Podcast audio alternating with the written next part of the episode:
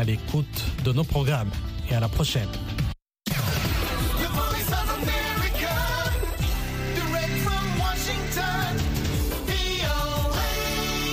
Sashen Hausa na muryar Amurka ke magana daga nan birnin Washington DC.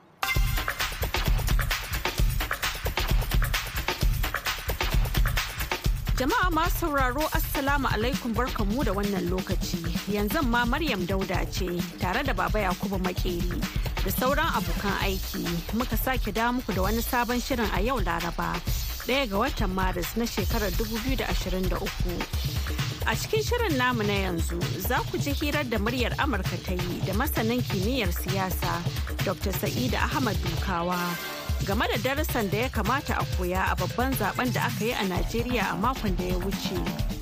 Za a iya cewar ashe zaɓe zai yiwu ba tare da yan kuri'a a gindin akwati ba. Duk da cewar waɗansu sun yi ƙoƙari su kyautar wasu abubuwan daban, amma dai yadda aka saba zuwa gindin akwati da kuɗin gasa a hannu ba a samu wannan ba. To za ku ji ƙarin bayani nan gaba. Kamar yadda muka saba a kowace ranar Laraba a wannan lokaci, yau ma muna nan tafa da shirin ciwon ya mace wanda Aisha Ma'azu ta shirya za ta kuma gabatar da ma sharhin jaridan ƙasar Kamaru. Amma yanzu dai sai a gyara zama a saurari labaran duniya kashi na farko. Assalamu alaikum jama'a ga cikakkun labaran duniya mai karantawa baba ya ko bakeri. Shugaban hukumar zaɓen najeriya mai zaman kanta inec farfesa mahmud yakubu ya bayyana bola ahmad tinubu na jam'iyyar apc a matsayin wanda ya lashe zaɓen shugaban kasa da aka gudanar a ranar asabar 25 ga watan fabrairu. Shugaban hukumar zaɓen ta inec ya sanar da sakamakon zaɓen shugaban ƙasar ne a cibiyar tattarawa da sanar da sakamakon zaɓe kai tsaye ta kafafen yada labarai da ke birnin tarayya abuja. Dan takarar shugaban kasa na jam'iyyar apc bola tinubu ya lashe zaɓen ne da ƙuri'u miliyan 8,794,726 wani karo da aka yi tsakanin jirgin fasinja da wani jirgin dakon kaya a arewacin girka a jiya talata ya yi sanadin mutuwar mutane akalla 32 kana wasu 85 sun jikata. Jiragen kasan guda biyu sun yi karo ne a kusa da birnin tempe da ke da tazaran kilomita 380 daga arewacin athens babban birnin ƙasar girka. Jirgin fasinjan ya nufi arewa da athens zuwa birnin thessalonica yayin da jirgin dakon kayan ke tafiya ta kudu daga thessalonica zuwa birnin larissa. Akalla motocin fasinja guda uku ne suka kauce daga kan hanyar su kana suka kama da wuta. Hukumomi sun ce kimanin fasinjoji 250 da suka tsira suka tsira daga hatsarin ba tare da samun mummunan rauni ba ko kuma suka samu ƙananan raunuka wanda aka yi jigila da su ta motar safa zuwa birnin Thessalonica. jirgin fasinjan na ɗauke da mutane 350 akalla jama'an kashe gobara 150 ne suke ɗauke da motoci 17 da motocin ɗaukar marasa lafiya 40 ne aka tura wurin inda bala'in ya afku domin neman karin fasinjoji da ka iya makalewa a cikin tarkacin jirgin. An kai mutane akalla 25 a asibitoci da ke kusa da wurin da suka samu munanan raunuka. Labaran na zuwa muku ne daga nan sashen hausa na murya amurka a birnin washington dc fada a gewayen birnin bakhmut da ke gabashin ƙasar ukraine ya kazanta. Wani jami'in ma'aikatar sojin ukraine yana fada a jiya talata. Ko da yake dan yankin ya canza hannu tsakanin sojojin moscow da na kiev a jawabinsa na cikin dare a ranar litinin shugaban ƙasar ukraine volodymyr zelensky ya ce halin da ake ciki a bakhmut ya kara taɓarɓarewa. Ya ce sojojin rasha suna ci gaba da lalata duk abubuwa da muke amfani da su don kare kanmu. Kwamandan mayaƙan ƙasa na ƙasar ukraine alexander sereski ya faɗa a shafinsa na sada zumunta cewa duk da asara da suka yi makiyan sun aike da ƙwararrun sojojin ƙungiyar sojin haya ta wagner don kare don ƙara kutsawa a inda sojojinmu suke kare kansu da kuma kewaye birnin.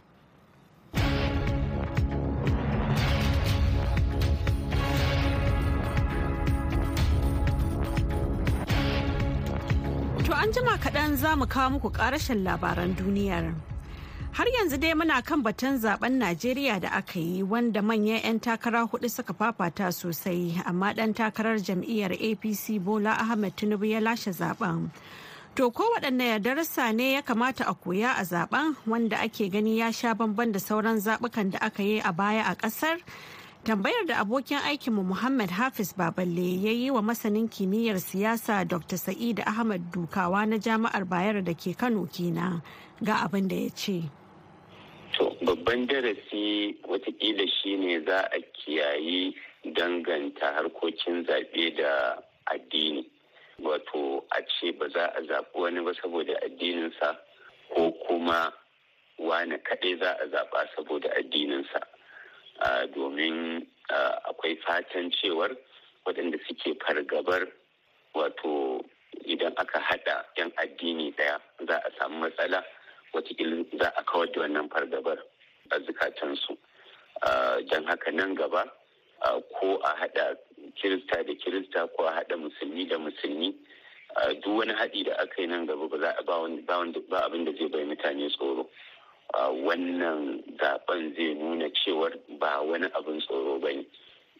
Sannan kuma zai nuna cewar ɓangaranci shi ma ba zai kai wato ba abin yi ba ne a siyasa.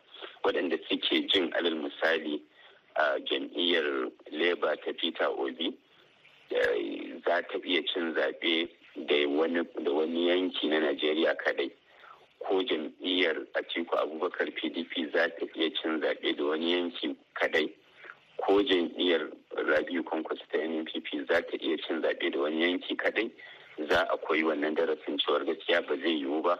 Dole sai an yi irin yadda yanzu jam'iyyar bola tinubu ta yi da apc a tabbatar wato an haɗa zumunci tsakanin kuji da arewa sannan za a iya cin zaɓe. Wannan shi ma darasi ne da muke fatan zai zama ya daga inganta da cigaban demokuraɗiyya a najeriya. Za a iya ƙarawa ma da cewar ashe zaɓe zai yiwu ba tare da siyan ƙuri'a a gindin akwati ba. Duk da cewar waɗansu sun yi ƙoƙari su kyautar wasu abubuwan daban kamar sutura ko kayan abinci amma dai yadda aka saba zuwa gindin akwati da kuɗin gasa a hannu ana nuna wa mutum wanda yake cikin matsi cewar gasi yana kaɗawa izo ya karɓa ba a samu wannan ba ma'ana ashe za a iya yin zaɓen nan ko da ba a ba da komai ba kuma a yi shi sahihi don haka shi ma wannan wani darasi ne da insha Allah zai inganta demokuraɗiyyar Najeriya. To, Dakta yanzu kuna ganin cewa demokuraɗiyyar Najeriya ta kai tsaiko kenan? In dai aka tsallake faɗar sakamako, Allah ya sa mutane suka mallaki hankalinsu ba a tashi tashin hankula ba. Waɗanda ba su gamsu ba suka tafi kotu suka nemi a raba musu a can. To sai a ce san barka. Demokuraɗiyyar Najeriya ta ko ba a ce ta kai karanta ya kai tsaiko ba to an kama turbar hakan. Amma dakta baka ganin yawan zuwa kotu da ake yi da kuma yanayin yadda su kotunan suke hukunci baya kawo na ƙasa ga ita kanta demokuraɗiyyar?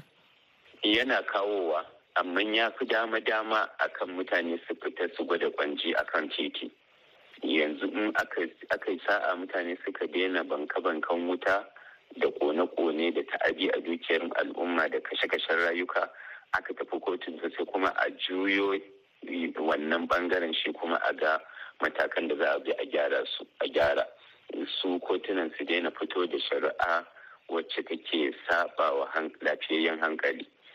To wannan zai sa kuma amma rage yawan zuwa kotun. Domin yanzu ana yawan zuwa ne saboda ana zaton in dai ka je da kulli da yawa za ka samu hukuncin da kake nema.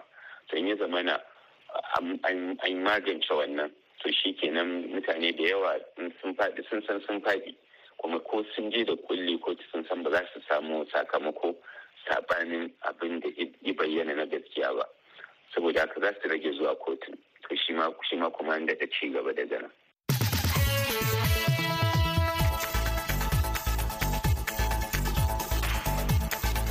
To kuna sauraron shirye-shiryen ne daga nan sashen Hausa na muryar Amurka a birnin Washington DC. Yanzu kuma ga ƙarashin labaran duniyar.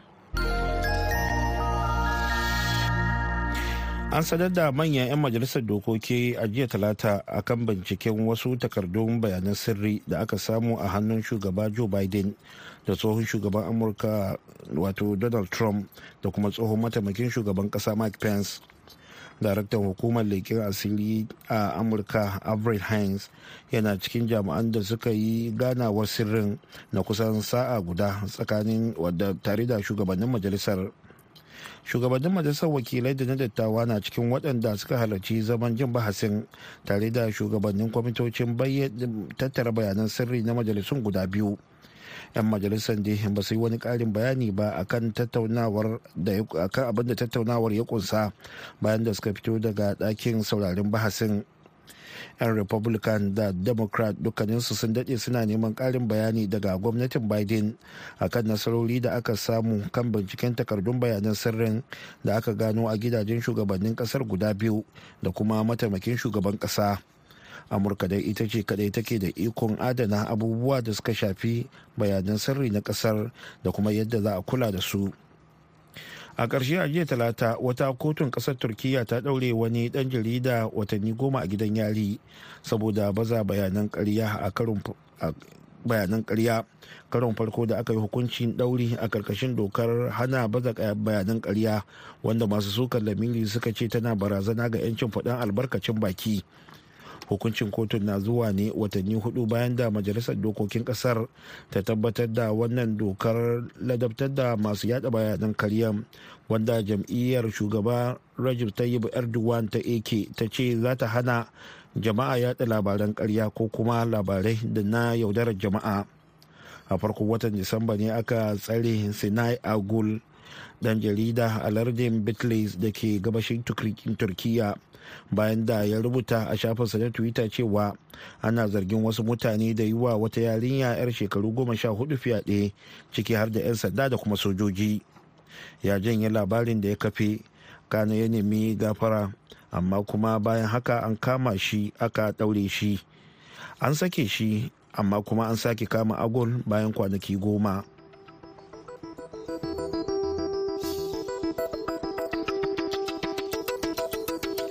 Labaran duniya kuka saurara daga nan sashen Hausa na muryar Amurka a birnin Washington DC.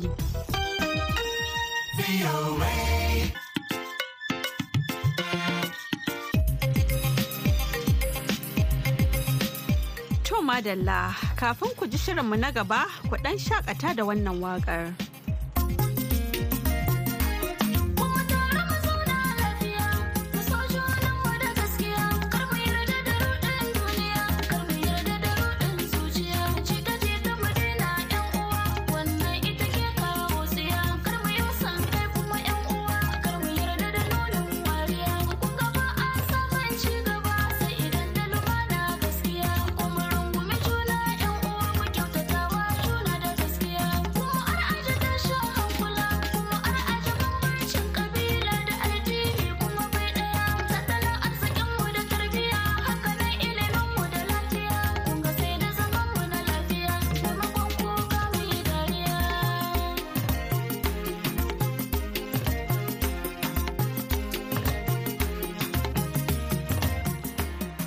Dai kuna sauraron shirye-shiryen ne daga nan sashen hausa na muryar amurka a birnin washington dc akan mitoci 1725 da kuma 60 a jamhuriyar niger kuma za a iya sauraron mu a tashar mu ta voa africa akan mita 200.5 zangon fm bayan haka a koda yaushe za a iya jin mu ta yanar gizo a voahausa.com ko kuma sashen hausa.com to yanzu kuma ga shirinmu na gaba.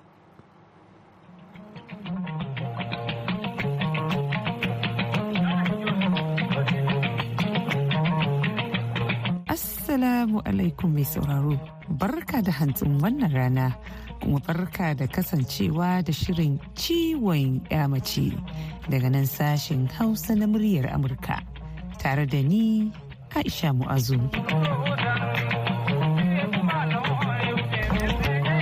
Ranar Asabar da ta gabata ne aka gudanar da zaɓen shugaban kasa da na 'yan majalisun tarayya a Najeriya kuma kasancewar mata suna taka muhimmiyar rawa don ganin an zaɓi shugabanni na gari. shirin ciwon mace ya karɓi bakuncin hajiya amina usman da hajiya maryam garba domin tattauna abubuwan suka yi tasiri a zaɓen da aka gudanar na kuma yayi labulen shirin ne da yi wa hajiya amina tambaya game da yadda zaɓe ya kasance to sai a biyu cikin shirin ciwon mace.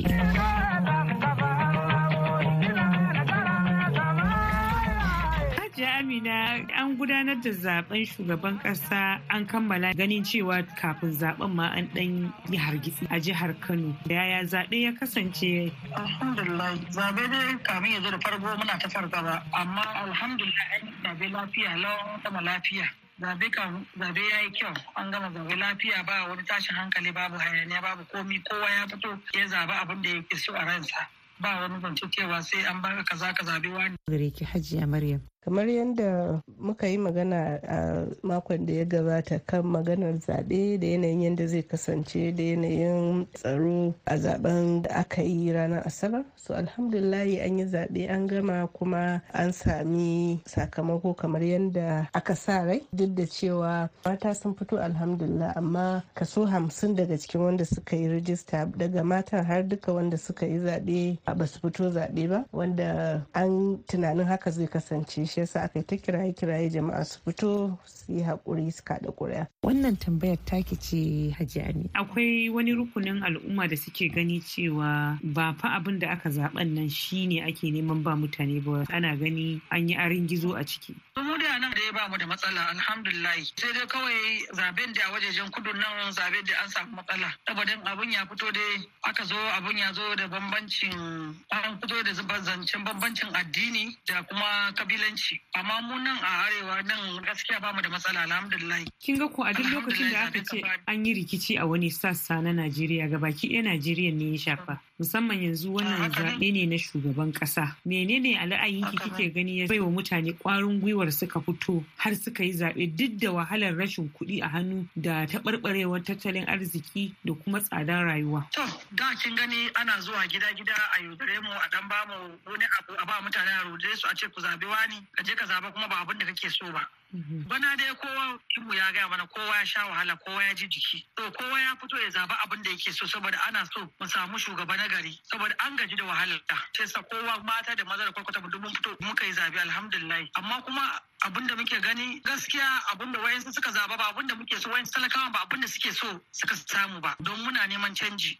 To abin da muke so ba shi muka samu ba, amma kuma zaɓin Allah shine mafi alheri a gare mu. To Hajiya Maryam a ra'ayinki menene ya bambanta wannan zaɓe na bana da zaɓukan da ake gudanarwa a baya a Najeriya? Maganar kan abin da ya shafi tsaro da tashin hankali rikici-rikici da aka yi ranar zaɓe. In kin duba bambancin zaɓen da aka yi 2019 da wannan zaɓe da aka gama bambanci ne mai yawa kuma zan iya cewa ya shammaci al'umma wanda ya kamata a ci jami'an tsaro sun kula da shi a zaɓe na gaba. Misali a kin gari da kuma lokacin da ake gudanar da zaɓe za ta da yawa an ɗan samu kwanciyar hankali an yi zaɓe cikin nutsuwa. Amma wajen tattara ƙuri'u da kuma tantoci da suke wajen gari a nan aka sami hatsaniya da dama wanda har an sami asarar dukiyoyi da rayuka a cikin a wasu ƙananan hukumomi so wannan shine abin da ya kamata a ce hukumar tsaro ta ba da kariya sosai a zaɓe na gaba musamman a santocin da za a tattara ƙuri'u bayan ga wuraren da za a yi zaɓe. Saboda wannan karan kamar canji aka yi al'umma suna tunanin komai ya tafi lafiya so tattara bayanai ma zai iya zama cikin kwanciyar hankali kamar yadda aka samu aka yi zaɓe a wani ɓangare. na dawo gare ki hajji amina. Menene kike gani fatan mutane da wannan zaɓe? Ta yadda zaɓen zai zama sahihi ya zama wanda za a riƙa kwatance na alheri da shi nan gaba.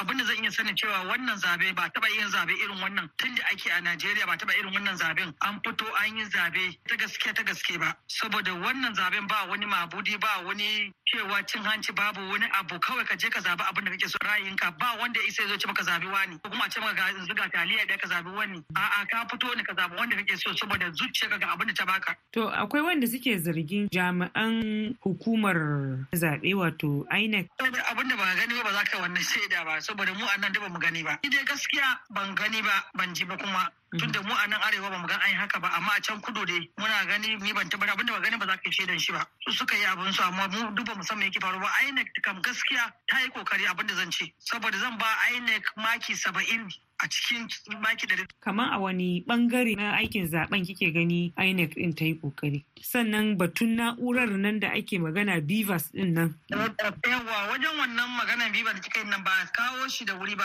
an samu matsala ta wannan ɓangaren amma sauran abubuwan zaɓe kayayyakin zaɓe duk gaskiya da wuri aka kawo aka fara komai da wuri aka gama da wuri. Ba kamar na sauran shekarun baya ba za a yi ta zaman jira ba wanda ya jira. Ka ji an tantance ka ka tafi ka dawo ka zo ka jefa korin ka kenan ka gama ba wani zama ba wani bata lokaci. Nan da na an yi an gama. Kina cikin bayani na katseki kuma har kullum kiran mu ga matasa shine su guji wannan tashin hankalin. Wanda ya ci ya ci. So in ka bari tashin hankali ya tafi da kai kamar yadda ake ta faɗa kinga ba ma za su ga yadda za a yi murna cin zaɓen ba da yadda wanda ya ci zai yi aikin sa ba. Duk ba su da rabon gani a rayuwa saboda sun sa kansu a cikin wannan. Sannan kuma sun jawa wanda suke da tsautsayi su ma tsautsayi ya hada da su. So wannan shine kaɗan daga cikin abubuwan da muka muka sa ido muka gani kuma alhamdulillah zaɓen kano an yi shi kuma al'umma kowa ya karɓi sakamakon da aka yi wanda a wurare ɗaya biyu kaɗan ne da aka samu wannan bambanci kuma shi ma rashin sanin dokar zaɓen ce wanda daga baya kowa da ya fahimci dokar zaɓe za ki ga sun amince da soke akwati da aka yi ko kuma kin karɓar wannan zaɓe na wannan akwatunan.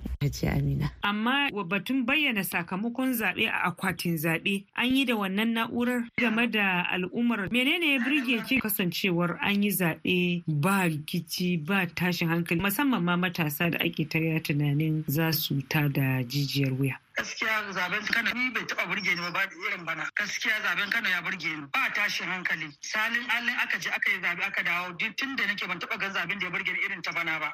Ana fargaba dama za a yi tashin hankali duk kowa ya ki fitowa kowa yana zaune cikin gida. Amma wanda aka yi zaɓe a gama lafi lafiya har yanzu ba motsin komai ba komai ba tashin hankali. Me kike gani ya baiwa matasa ra'ayin kada su yi komai su fito kawai a yi zaɓe sha wahala sun gani da idon su ya buɗe sun gane cewa wasa suke da rayuwarsu kuma siyan su ake a naira dubu biyu a baka ƙwaya ka sha ka je ka yi je ka yi abin da bai kamata ba rayuwar ka ta salwanta kuma ka dawo kuma ba wai zuwa ake a taimaka ko iyayen ko a za maka wani ba. Duk su cewa duk abin da suke ba daidai ba gara su fito jaji su zaɓe shugaba na gari. Saboda shugaba na gari ba zai zo ce maka ga ƙwaya ko ga dubu biyu ka je ka saci akwati ko ka yi kaza ba. Kun gane cewa ba zai yiwu ba. Duk shugaba na gari ba zai ba su wannan huduba ba. Yanzu abin da suke nema yanzu wanda zai gyara musu ya buɗe musu makarantu ya ba su asibiti ya ba su ruwan sha ya ba su wuta. Me kike buƙata a ce hukumar zaɓe ta yi da duk sauran masu ruwa da tsaki domin tabbatar da cewa wannan zaɓe ya zama ɗaya tilo wanda ake tutiya da shi ba a Najeriya ba ba kuma a nahiyar Afirka ba amma a duniya baki ɗaya. Adalci. shi muke buƙata wanda ya ci zaɓe a bashi a ce gashi ya riki amana. Mu adalci kawai muke nema. Zaman lafiya. Shugaba na gari muke so. Ba ruwanmu da wani ko kabila ko gane ne kai ko mene. Duk wanda ya ci kawai mu muke buƙata a bashi.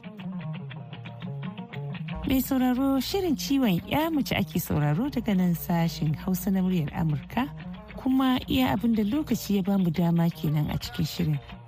A tara da mu zuwa makon gobe idan Allah mai kowa mai kuma ya raya mu domin sauraron wani sabon shirin. Yanzu a madadin ma'aikatan sashen Hausa na muryar Amurka da bakin namu sai wanda ya daidaita mana sauti Solomon Abu. Ni Aisha Mu'azu nake cewa wani lafiya.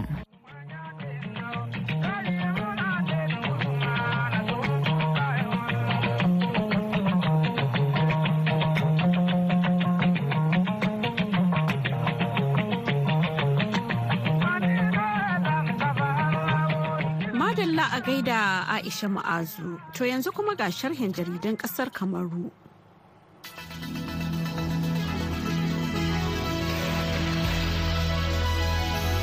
Fara shirin da namu na wannan makon ne da jaridar mutation ta ƙasar jamhuriyar kamaru an da a farkon shafin ta ta gulmata mana cewar hukumomin ƙasar jamhuriyar kamaru masu kula da tsare-tsaren birnin cinikayyar ƙasar duwala sun fara gudanar da sau na gidajen da ba a bisa ka'ida suke ba a wannan birnin an da suka gina gidajensu a birnin na duwala jaridar ecohosante kuma ta ce cikin alkalman lissafinta na wannan shekarar 2022 an haifar yara da watanninsu bai kai na haihuwa ba. Yan bakwainiya su dubu ashirin a kowace shekara a ƙasar ta jamhuriyar kamaru yadda hukumar lafiya ta ƙasar kamaru ta fitar da jadawalin haihuwar yaran da ake yi kenan a wannan shekarar. Jaridar economy kuma ta ƙasar jamhuriyar kamaru ta shaida mana cewar bankin atlantic na ƙasar kamaru ana zarginsa da buga maƙudan kudade na foge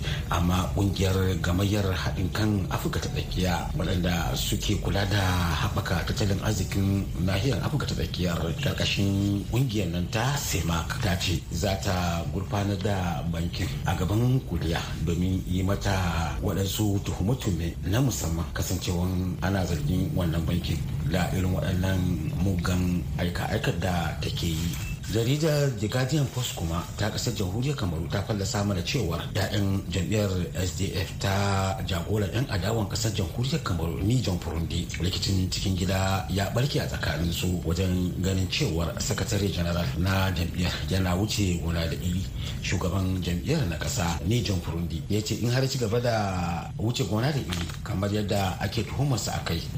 Zai fuskanci waɗansu takunkumai a cikin jam'iyyar ta sdf in ji shugaban jam'iyyar na ƙasa baki da nijon furundi za mu kammala shan jaridun namu na wannan makon ne da jaridar labuwa dijon ta ce a ɓangaren jihar yammacin ƙasar jamhuriyar kamaru musamman ma a birnin bahu da ke gundumar yanzu dai 'yan siyasa da kuma masu fada aji har da manyan hukumomin wannan ɓangaren sun gudanar da bikin haɗin kan ƙasar jamhuriyar kamaru na shekaru hamsin da suka gabata tsakanin ɓangaren ingilishi da kuma ɓangaren faransancin ƙasar wadda suka gudanar da bukukuwan ne tare da ɗan shugaban ƙasar jamhuriyar kamaru frank biya ga dukkan alamu dai ji jaridar suna ganin cewar shine zai iya gagan mahaifinsa a kan kujerar shugabancin ƙasar ta jamhuriyar kamaru wanda shugaba biya yake kafe a kai yau sama da shekaru arba'in kenan. Muhammad awal garba muryar amurka daga ƙasar kamaru. A gaida muhammad awal garba to yanzu kuma ga takaitattun labaran duniya. A taƙaice shugaban hukumar zaɓen najeriya mai zaman kanta inec farfesa mahmud yakubu ya bayyana bola ahmed tinubu na jam'iyyar apc a matsayin wanda ya lashe zaɓen shugaban ƙasar da aka yi a ranar asabar 25 ga watan fabrairu. Shugaban hukumar zaɓen ta inec ya sanar da sakamakon zaɓen shugaban kasa a cibiyar tattarawa da sanar da sakamakon zaɓen kai tsaye ne ta kafafen yada labarai a birnin tarayya abuja. Wani karo da aka yi tsakanin jirgin fasinja da wani jirgin dakon kaya a arewacin ƙasar girka a jiya talata ya yi sanadin mutuwar mutane akalla 32 kana wasu 85 kuma suka jikata. Jiragen kasan guda biyu sun yi karo ne a kusa da birnin tempe da ke tazarar kilomita 380 daga arewacin artis babban birnin ƙasar ta girka. Fada a kewayen birnin bakmont da ke gabashin ƙasar ukraine ya kazanta wani jami'in ma'aikatar sojin ukraine yana fada a jiya talata. A jawabinsa na cikin dare na daren litinin shugaban ƙasar ukraine volodymyr zelensky ya ce halin da ake ciki a bakmont ya kara kazancewa an sanar da manyan 'yan majalisar dokokin amurka a jiya talata akan binciken wasu takardun bayanan sirri da aka samu a hannun shugaba joe biden da tsohon shugaban ƙasar donald trump da kuma mataimakin shugaban kasa mike pence. A jiya talata wata kotun ƙasar turkiya ta ɗaure wani ɗan jarida watanni goma a gidan yari saboda bayanan karya da aka samu ya yada karin farko da aka yi hukunci a ƙarƙashin wannan doka na masu wanda masu suka lamiri suka ce tana barazana. To sauraro iyakacin abin da ya sauwaka kenan a shirinmu na yanzu sai kuma can an jima da rana za ku ji abokan aiki madauke da wani sabon shirin. A madadin Baba Yakubu Makeri da ya taya na gabatar da shirin da Solomon Abu wanda ya haɗa shirin da kuma ba da umarni da ma injiniyan McCall. Ni Maryam Dauda ke cewa ku huta lafiya.